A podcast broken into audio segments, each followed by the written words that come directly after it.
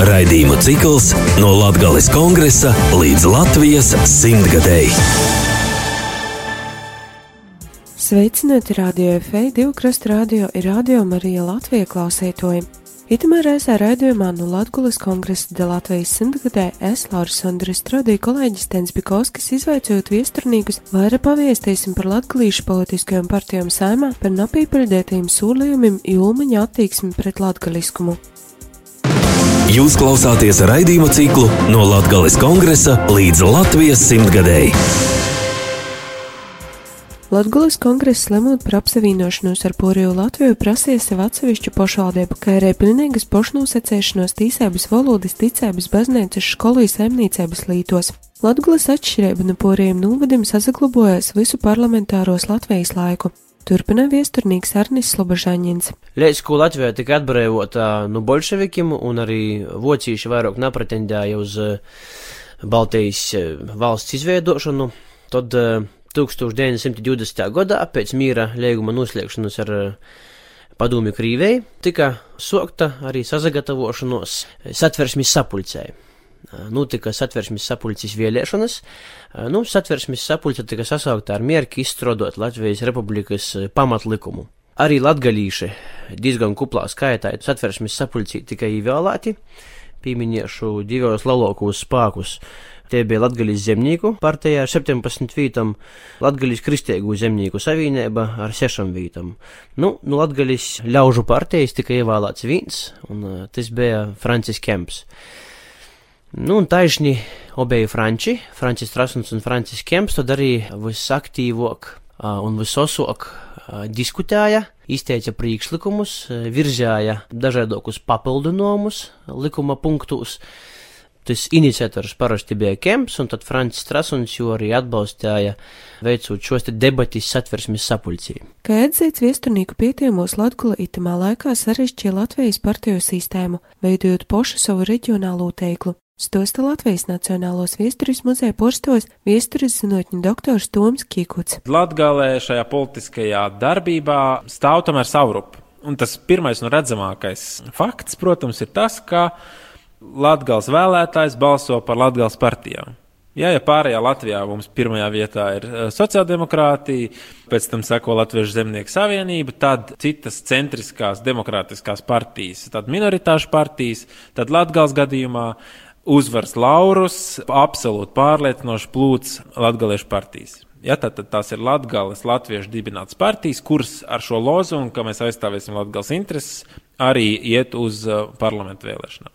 Tās dalās, mēs varam teikt, divās daļās. Viena ir šīs garīdznieku pamatā veidotās konservatīvās partijas, kas atsauc uz kristīgām vērtībām, kuras atbalsta daļā baznīcas kungu, un līdz ar to varbūt arī izmanto iespēju viņu zināmā mērā propagandēt. Tātad tā pirmā lielākā ir Latgals kristīgo zemnieku partija, kas jau startē satversmes sapulces vēlēšanās, kur ir Trasuns, Iesups Rancāns, jā, tātad, nu, ievērojami katoļu garīdznieki, un otrs spārns ir šī te laicīgais spārns, tur eh, šis politiskais spektrs varbūt mainās eh, vairāk. Mēs varam teikt, ka tā ir progresīvo zemnieku partija. Tātad viņi atsaucas uz šo progresīvais, kas nozīmē, ka viņi, nu, varbūt ir drīzāk centriski vai kreisi orientēti, nevis konservatīvi, kā tas ir garīdznieku partiju gadījumā. Un otrs, protams, uz ko atsaucas, tā ir zemnieku auditorija, jo Latgals, latviešu vēlētājs jau lielākoties ir lauku vēlētājs. Ja mēs skatāmies uz šo etnisko sastāvu pilsētās, ir skaidrs, ka tur ir vairāk Latvijas etnisko minoritāšu, dažādi, ja, tātad Krievi, ebreji, uh, un, un tur latgaliešu mazāk. Ja, tātad, nu, tās ir tās progresīvā zemnieku partija, kā viņi 23. Gadu mijā saucās, bet ar citiem nosaukumiem. Tātad šis, šī niša tiek aizpildīta arī e, iepriekš. Un tur tātad brāļi Pabērzi, Antons Dzenis, e, Jukšinskis, Jezups Trasuns un citi e, lielākoties jaunākas paudzes latgaliešu sabiedriskie darbinieki, kas arī tiek ievēlēti Latvijas Republikas saimās. Latvijas Nacionālās encyklopēdijas redakcijas vadītājs viesturnīgs Valters Čerbinskis norāda, ka tūlēk pastāvējušas vairākas latgalīšu grupas, kas kandidē no vēlēšanām uz vēlēšanām, jis izdala četras. Nu, pirmkārt, lielākā grupa bija nosacīt runājot konservatīvo latgaliešu grupu, kurai mainījās nosaukumi kristīgie zemnieki, katoļu zemnieki, kuru reprezentēja Trasons, vairāk citi garīdznieki, Ransāns, Un šī partija parasti iegūta lielāko balsu skaitu. Bieži vien šī partija teiksim, bloķējās ar zemnie, Latviešu zemnieku savienību, jo būtībā viņu intereses tādā ekonomikas jautājumos bieži vien sakrit ar, zemnie, ar Ulmaņu zemnieku savienību. Otru lielāko grupu reprezentēja tie latgaliešu politiķi, kas domāja tādās nosacīti runājot progresīvākās kategorijās, kas bija, teiksim, kas uzskatīja sev par to, ka ir nepieciešams atbalstīt mazākus zemniekus, nepieciešama lielāka valsts iesaistīšanās ekonomikā. Uh, varbūt tādi nedaudz kreisāki, ne pavisam kreisi, bet tādi nedaudz centriski kreisāki. Un, un šie savukārt uh, bieži vien bloķējās kopā ar dažādām centriskām visas Latvijas partijām, nu, piemēram, ar demokrātisko centru, kas arī sevi uzskatīja par tādu, ka opozicionāru organizāciju Zemnieku savienībai. Nu, trešais bloks bija īstie radikāli kreisie vai, teiksim, mēreni radikāli kreisi. Tie bija sociāldemokrāti vai komunisti. Nu, Latgalē bija 20. gadu otrā pusē izveidojies tā dēvētie opinsāni sociāldemokrāti, kas bija diezgan radikāli. Tie bija radikālāki nekā LSDSP, Latviešu sociāldemokrātiskā strādnieku partija, kurā pašā iekšienē notika sīvas cīņas ar radikālāku kreiso spārnu, no kurā vienā pusē bija Fricis Menders, un tas labējais bija Bruno Kalniņš, viņa tēvs Pauls Kalniņš un Bastiānis un vēl citi. Un līdz ar to šie latgaliešu sociāldemokrāti savukārt bieži vien parasti gāja kopā ar visas Latvijas sociāldemokrātiem. Un ceturtais tāds virziens, kuru savā ziņā raksturo Francis Kemps, ir tādi margināļi, kur īsti nebija nevienā, ne otrā, vai kas staigāja. Nu, Francis Kemps bija liels partijas staigātājs, to bieži vien aizmirst mūsdienās margināļi, kuriem nebija lielas ietekmes sabiedrībā, un lai kā šodien cilātu Kempa vārdu, Kempam nebija nebija, un vēl trešoreiz pateikšu, nebija liela ietekme Latgales sabiedrībā, šo ietekmi mēs lielā mērā varam redzēt pēc nodotajām balsīm, kādas bija, un Kempa pārstāvētajām organizācijām nu nebija nekāda liela diža panākuma vēlēšanās. Kempam bija ietekme tādās kultūras aprindās, zināmi sekotāji viņam bija, bet es negribētu noteikti pārspīlēt. Šodien daudz pārspīlē šo Kempa nozīmi politikā. Un, un tā bija tā ceturtā lielākā grupa. Tātad uh, grupa, kuras politiskais kapitāls, šī politiskie lozungi lielā mērā tika balstīti uz Latgales autonomijas lietām.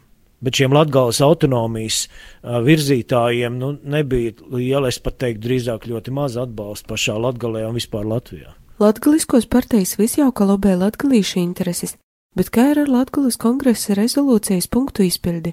Par to spriež Arns Slobožāņins. Lai vērtātu latgalīšu aktivitātes latgalīs jautājumus eh, satversmes sapulcī, bez šaubām vislabākīs olūts ir eh, satversmes sapulces stenogrammas.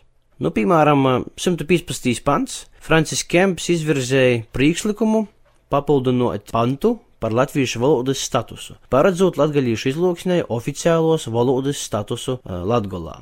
Nu, Francis Trasuns saka šādu runu. Izstrādājot valodu likumu, latgalīšiem bija lielāks atbalsts. Latgalīšu izlūksnis pīliedzinošana valsts valodai netika apšaubēta. Valoda ir noteiktai cilvēku daļai saprotama izteiksmes forma.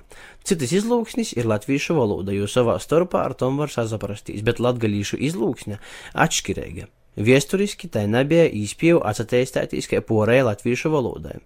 Vairāku izlūkšņu atzīšana nakaitēja valsts vienotībai. Latgalīšu izlūksnis saglabošana napīcīšama tautas un kultūras interesos. Bogotunoja valodu. Katram Latvijas pilsoņam jozina obejas izlūksnis - baltīšu un latgalīšu. Nacīņa pret latgalīšiem napīļājama. Latgalīšu izlūksnis tīsēbas satversmē jo atzīst, lai te netiktu pīļēdzinota citam minoritāšu valodam. Nu, pret šādu kempu un trašanu priekšlikumu uzastojās, piemēram, Kārlis Skalbe, sakot, ka trasuna pormatumi par latgalīšu apspīšanu ir nepamatoti, jo vienīgo prasība ir cīņāt valsts valodu, un latviešu valoda ir vīna. Latviešiem tie ir jocīna, latgalīši ir latvieši, nevienai izlūksnē tīsēbas netiek atņemtas, bet valsts īstoģos jolītoja valsts valoda. Administratīvo apvienošanos ietver arī valodas apvienošanu literārajā valodā. Nu, šādu lietu, protams, protestēja atkal Francis Kemps un Francis Trasuns, bet uh, balsojumā uh, šis te latgalīšu prasījums uh, tiek ignorēts un tad uh, nobalsots pret jū. Jāsaka arī, ka visi latgalīšu priekšlikumi, tu pavadošos diskusijas satversmes sapulci ir pavadījusi jautrība, dziļīgas pīzēmis, pat izsmīšana, tos satversmes sapulcis deputātiem, uz ko arī protestē arī porēja latgalīši, sakot, ka latgaļa vispār netiek uztverta nopietni. Rezumējot uh, valodas jautājumu, ir jāsaka un jāsacināja, ka latgalīšu izlūksne tiek pieliedzinota valsts valodai, tomēr satversmī tas netiek nodrošināts. Jāpiebilst, ka visosok pret uh, latgaļas tīsībām izsakos Margers Skujnīgs un uh, jau pieminētīs Kārlis Skalbe. Nu, Margers Skujnīgs saka tādu teikumu, ka latgaļīšu ītekme un kulturālos sekas Latvijai nav vēlamas. Latgaļas jautājumu satversmes sapulci un saimā, manuprāt, var iedalīt divu grupos. Viens ir prasības pēc kultūras tīsībām un jūs nodrošināšanas. Otrs ir tādi jautājumi, kas stipri ietekmēja latgaļīšu ekonomisko labklājību. Un te ir droši vien jorunai visvairāk par agrāros reformas izvēršanu. Tie apstākļi Latgolā un Porejā Latvijā nebija vīnaidi. Pirmajā raidījumā mēs jau noskaidrojam, ka Latgola bija ļoti blēvi apdzīvota.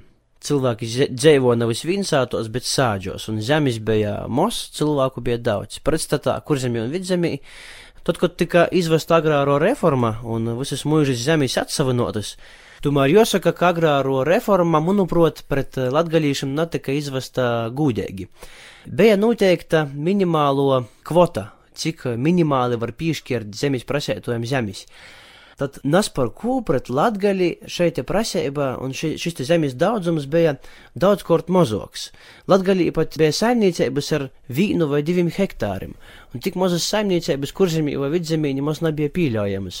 Un tas noveda pie to, ka bija divi varianti. Vai nu īt strodot uz kurzemi vai vidzemi par kolpu, vai nu apsaimniekot ļoti mazinku zemes daudzumu, kas otkon nekādu lielu ekonomisku labumu latgaļai nadūtu. Nu, un uh, Mikls Bukšs uzskata, ka tas latgaļīšus esot porvierts par uh, otros škiras cilvēkiem, par kolpiem, un arī Francis Trasuns, pēc tam jau debatējot saimā, šūte pat ir sacījis un protestējis pret šūte agrāros reformas nagūdēgu izvešanu attīcībā pret latgaļīšiem. Jūs klausāties raidījuma ciklu no Latgales kongresa līdz Latvijas simtgadēji. Latvijai nūzadibinojotīs 18. gadā tika paredzētas arī latgaļiem savus tīsēbus uz izglītību, tika veidotas latgaļu skolas. Soka latgalīša rakstniecības muzeja vadītājs Pīters Locis. Arī preses izdevumi tātad izveidoja demokratiska Latvijas valsts, kura pastāvēja līdz 34. gadam. Nebija viss gluži ideāli, bet formāli tomēr viss darbojās. Latgaļu pamatizglītību varējām pat, pat universitātē varēja stotīs, varējām eksaminus kortot latgaļu valodā, varēja, ja kurš gribētu darīt. Skolos arī mocām. Jā, lielākā daļā latgolas pamatskolos izglītība visos priekšmatos notika latgaļiski nu, ar 4. klasē īskaitot. Vēlāk arī, teiksim, 5. 6. klasē, nu, līdzībā rakstīts, kas ir tur latviešu valoda. Tur ir mūsu valoda vēl tot skaitos latviešu valoda, bet tagadējo latviešu valoda, tad ir vids izlūksne, vids zemnieku izlūksne, jā. Ja? Tātad viss notiek vēl latgaļu valodā. Pat Aglūnas gimnazijā ir priekšmats jau vēļāk, pat pēc 34. Eh, gada valsts apvārsuma ar arhivēskupa Springoviča palīdzību vēl tiek nodrošināta latgaļu valodas vuicība Aglūnas gimnazijā. 20. gadu sokos tika raudzīts mazinot dažkort arī izskaust atšķirības starp dažādu Latvijas novadu dzīvotājiem. Pēc latgalīšu politiķu ierosinājuma izveidot Latgulas pašpārvaldi noraidīšanas Latvijas parlamentā aktualizējās diskusijas par Latgulas reģionu nokamēba vienotā Latvijas valstī. Latgulas autonomijas, valodas, ticības, kultūras, saimnieciskajos vaicojumos noraidīšana radīja vilšanos latgalīšu politiķus, ir jaunus par aktivizē latgalīšu inteliģences porstojus, turpina Arnis Slobožāņins. Pēc 1934. gada Ulmana apvārsuma daudzi latgaļīšu jautājumi ne tikai tika ignorēti vai uh, noraidīti, bet uh, es sacītu tā, ka pat noņemti no dīnas kortēbas. Nu, Uļmanam bija uzskats, ka ir viena pareizo valoda, un es neļauj diskutēt vai demokratiskā ceļā to izlemt. Nu, par piemēru salīdzinošu divus likumus par ortografijas jautājumu nokārtošanu. 1922. gadā likums paredzēja, ka visos skolos valsts un pašvaldību izstādījos lītojama vīna latviešu ortografija, bet tīpat arī punkts, ka itas likums nāca tīcās uz latgalīšu izlūksni lītojumu ortografijai. Parakstījis satversmes sapulģis prezidents Joņš Čakste. Nu, pretstatā tam ir Kārļa Ulmaņa ministru kabineta 37. gadā pieņemtais likums par latviešu pareizrakstības jautājumu kortošanu, kurš nosaka, ka visos skolos un valsts pašvaldībos īstoģos lītojama vīna pareizrakstība, un ka ar šo te reikumu atsauc likumus par latviešu ortografijas jautājumu 22. gadā, un neviena vorda nav par latgalīšu ortografiju. Todot vienkārši, nu, latgalīšu jautājums ir nevis noraidēts, bet vienkārši izņemts no dīnas kortības, noņemts no distances, jo nav. Savu viedokli pauž Pīters Lots partijas tiek nu, likvidētas, kā demokratiskā valsts organi tiek likvidētas, un līdz ar to tiek slēgtas partiju avīzes, latgolis partiju, kas izīt latgaliski, ja, latgaļu valodā. Tos tiek slēgtas, skolas tiek slēgtas, vienīgi es saku, pazateicu uz Pringovičam, vēl priekšmats ir Aglūnas gimnazijā. Viss tas tiek slēgts, vienīgi nav arī tik golā, ulmaņa tī īriedi, nav arī tik golā ar žurnālu uh, Latgolas skola. Tāds ir pedagoģu izdevums. Tas gan līdz 39. gadam vēl, vēl izmisēgi, bet viņš pastāv tur. Bet tā tad jūs, Pīter, arī apgalvojat, ka Ulmaņs represēja latgaļu tīsības? Es domāju, gan, nu, tika represējas. Latgaļu darbinīkiem nav varēja ījimt augstus omotus, ja ījāme, tad tur otri vien, nu, tika nomainēti ar baltīšiem un tī baltīšu, tī īviedņi un, un inteligence uz, tika uz latgolu siltēti, lai latgaļus asimilētu, jā mierkis viens, tas ir cariskos krīvējas politikas turpinājums. Jā, tā tad vīnā, vīnā jobūt tautai, vīnā valodai un tā toļok. Nu, ar ticēbu ir grūts, jo, jo nu, mums tomēr ir Vatikāns aizmugurē katoļiem, jā. Varas attieksmes maiņai pret visu latgalisku piekrēt arī Toms Kikuts. Var piekrist, ka šī attieksme mainās 30. gados, Ulmaņa režīma laikā. Jā, tā tad vispirms jau tiek slēgts šis jaunās traume, kas ir nu, tas progresīvākais, liberālākais, brīvākais latgaliešu literārais izdevums. Kopumā, ja mēs skatāmies, kas ir Ulmaņa politika attiecībā gan pret minoritātēm, gan pret, nu, teiksim, Latvijas novadu vēsturisko atšķirību nesējiem, jā, tā tad te jau Latgala nav vienīgais jautājums un fakts, jā, tā tad ir arī fakts, ka Ulmans nevisai eh, tā pretimnākoši izturējās pret lībiešu vēlmi apliecināt savu vēsturisko mantojumu, to uzturēt un attīstīt tālāk. Ja, tā tad, nu, bez šaubām, ka šajā kontekstā, kurā Ulmans vēlējās redzēt tā saucamo latvisko Latviju, ja, nu, arī neiederējās šis citādās latgals stāsts, nu, kas, protams, neietilpst nu, tajā koncepcijā, kādu mēs eh, tā vienkāršot varam skatīties Latvijas vēsturē, ja, ka tā tad ir mums jaunatvieši, kuriem ir ideja par Latvijas valsti, eh, viņi to nodibina, nu, un tad 17. gadā tam laimīgi šim konceptam klāt pievienojas Latgals. Skaidrs, ka šie vēsturiskie apstākļi ir daudz sarežģītāki, ja, un, un varbūt ir kaut kur vieglāk tos arī neredzēt. Tāpēc bez šaubām var, var, var piekrist jā, šim vērtējumam, ka, protams, Ulmaņā laikā šī attieksme nav vairs tik labvēlīga, un Kemps arī pret to vēršas, iesniedzot tā saucamā dzelžu leģionu memorandu Kārlim Ulmanim, kurā pamato to, ka šīs te latgales atšķirības nu, netiek ievērotas 30. gadu beigās, un nu, viņš to tad pat nu, īsu gan brīdi, bet nonāk arī cietumā Francis Kemps šajā laikā. Kopumā es domāju, ka tā nav nekāda ulmaņa, teiksim, specifiska nepatika pret latgaliešiem. Ja? Tā, tā, tā, tas tā nav. Vienkārši viņš redz kopumā šo vienotās Latvijas ideālu, kurā neied, nu, neieder šis stāsts par dažādību, ka mēs varam būt dažādi. Ja? Tad, tad strādniekiem ir tikpat kā zemniekiem vienādām interesēm jābūt pret vadonu, un tāpat arī kurzemniekam, vidzemniekam un latgalietam ir jābūt vienādai attieksmei pret vadoni, vienādai stājai, un viss, kas tam traucē, nu, nav vēlams. Ne minoritāšu politikā, nekādā citā politikā, ne arotbiedrība politikā, ne valodas politikā. Viesturnieks Valters Čerbinskis ir drupēt osoks virtuvi tūmaņu politiku attīcībā pret Latgulu. Uh, Ulmaņa skatījums, Ulmaņa centieni bija izveidot vienotu latviešu nāciju, likvidējot jebkādas atšķirības un mēģinot, teiksim, padarīt, nu es negribu teikt vienādus, arī tas nav īstais vārds, bet Viņš uzskatīja, ka tā ir pagātnes palieka, palieka, ko radījuši iepriekšējie laikmeti, iepriekšējie režīmi, un līdz ar to izskaustu jebkādas iespējas, teiksim, kaut kādām separātismu tendencēm. Viņš uzskatīja, ka tas nav vajadzīgs un ka to nevēlās latgalieši. Un savā ziņā, nu, viņam bija taisnība, ja mēs paraugamies uz šo demokrātijas laikmetu. Nu, tiem, kas mēģināja īstenot idejas, kuras var klasificēt, raksturot kā autonomijas idejas, nu, viņām nebija ļoti liels atbalsts latgalieši latviešu sabiedrībā. Sanāk tā, ka līdz zūmaņa apvērsumam latgaliski skolās mācīja un pēc tam vairs nē. Ja nu pēc tam latviešu valoda vispār tika skausta ārā, jeb latviešu literārā valoda, kā mūsdienās likums definē latviešu valodu. Skauda, tad pilnīgi noteikti skauda. Kas skauda? Pilnīgi nu, jaunais režīms, protams. Un tas ir tas, teiksim, es vienkārši minēju par to, kāda bija šī Ulmaņa vīzija.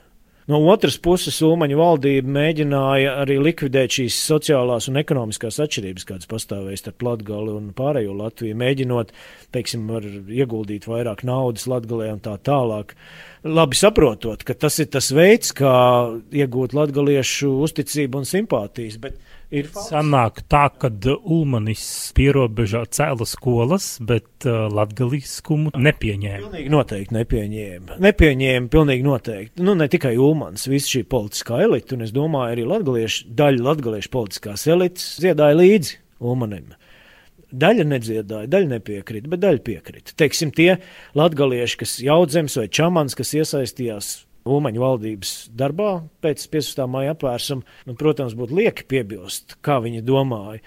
Bet eh, tas, ka Ulmans pievērs lielu uzmanību pierobežai, nu, tas nu bija fakts. Ļoti liela uzmanība. Tika veicināta dažādu iedzīvotāju grupu pārcelšanās, pie, tika dotas dažādas privilēģijas iedzīvotājiem, kas dzīvoja pierobežā, lai tur izveidotos tiešām tāda lojāla, stabila uh, robeža, kas nu, nebūtu pēc iespējas ierobežot jebkādas, teiksim, naidīgā kaimiņa tieksmes. Pretstatā visam poriem izskanējošiem viedokļiem Valters Čerbinskis tomēr uzsver, ka ne jau Ulmans padarīja lielo kūkaitnīcību latgalīšu kultūrē. Nu, teikt, ka Ulmans bija vienīgais tas, kas īstenoja latgaliešu kultūrālo īpatnību likvidēšanu, nebūtu taisni, nebūtu patiesi. Dabiski Ulmans to darīja un, un gan aktīvi. Bet no otras puses, daudz enerģiskāk latgaliešu valodas, latgaliešu kultūras izskaušanā darbojās padomju okupācijas vara, kas pilnībā likvidēja eh, jebkādas, teiksim, latgaliešu kultūras paliekas. Jūs nevariet salīdzināt 50 padomju okupācijas gadus ar septiņiem ulmaņu režīmu gadiem. Tās ir divas dažādas lietas.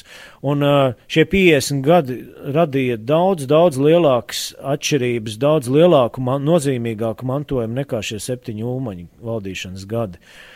Un līdz ar to, teiksim, nu, pārmest viennozīmīgi par to, ka latgalieši ir tādā situācijā, un, un mūsdienās vairums Latvijas iedzīvotāji nožēlo to, ka šī latgaliešu kultūra, teiksim, būtu pelnījusi vairāk, būtu pelnījusi lielāku attīstību. Tas nav Ulmaņa nopelns negatīvā ziņā. Jāvaino padomju okupācijas laiks. Raidījumu cikls no Latvijas kongresa līdz Latvijas simtgadēji. Kā iepriekš pieminēja viesturnieks Toms Kiekuts, reaģējot uz Ulmuņa politiku 1939. gadā Latgulā bijušais politiķis Francis Kems izveido nelegālu organizāciju, tā dāvāto dzelža leģionu, kura īsastojās par Latgulas autonomiju. Par to vaira viesturnieki Arnis Slobožaņins un Valteris Čerbīnskis.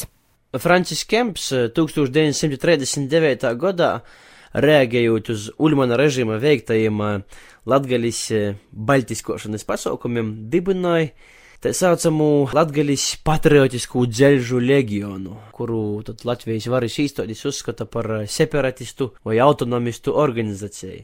Tad šeit dzelžu legiona organizācija izsaka ultimātu, jeb uzsaukumu valsts prezidenta kungam, tā saucamu Latgalis ultimātu, kuris prosa atgriezt latgalīšu valodai tai pīzanūkošos tīsēbus, 39. gadā kopā ar eh, burtiski dažiem dombiedriem izdeva tādu pagrīdes izdevumu, kuru parakstīja ar organizāciju Dzelžu leģions.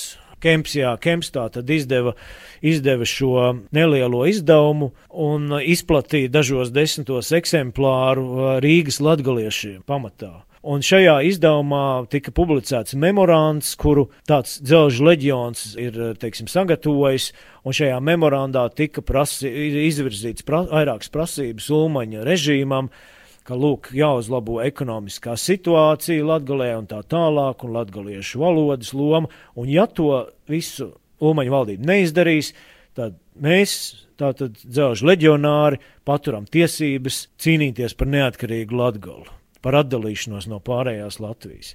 Un būtībā ir raksturīgi, kas notika tālāk. Tas ļoti la labi raksturo to vidi un tos noskaņojumus. Kas notiek tālāk? Šis memorands visticamāk nonāk, nonāca arī pie, man liekas, pie Čāmaņa vai pie kāda cita latgaliešu ministra, kas tanī brīdī bija valdībā. Un iespējams, ka šie ministri vai kādi citi ierēģi, Rīgā vienmēr pilns bijis ar latgaliešiem, un uh, Viņi ir aiz, aiznes pat taisno uz politisko policiju. Šo memorandu politiskā policija ātri aizturēja Franci Kempu un aizturēja uh, pāris tos līdzstrādniekus, kas bija tāda zemāka ranga latgaliešu ierēģi Rīgā, man liekas, kādi pāris studenti, un uh, nopratināja viņus, konstatēja visus cilvēkus, kas ir bijuši kaut kādā veidā iesaistīti, un man liekas, tur bija daži desmiti, bet dažādā veidā iesaistīti un ar, ar dažādu līdzjušanas līmeni šim dzelžu leģionāru memorandam. Pašu kempu aizturēja tādā īslaicīgā apcietinājumā kaut kādu, liekas, kaut kādas pāris nedēļas. Uh, un pēc pāris nedēļām Francis Kemps parakstīja iesniegumu, ka viņš turpmāk atsakās no jebkādas politiskas darbības, viņam netika ierosināta lieta, viņš tika atbrīvots. Un ar to lieta beidzās. Raidījumu cikls no Latgales kongresa līdz Latvijas simtgadēji.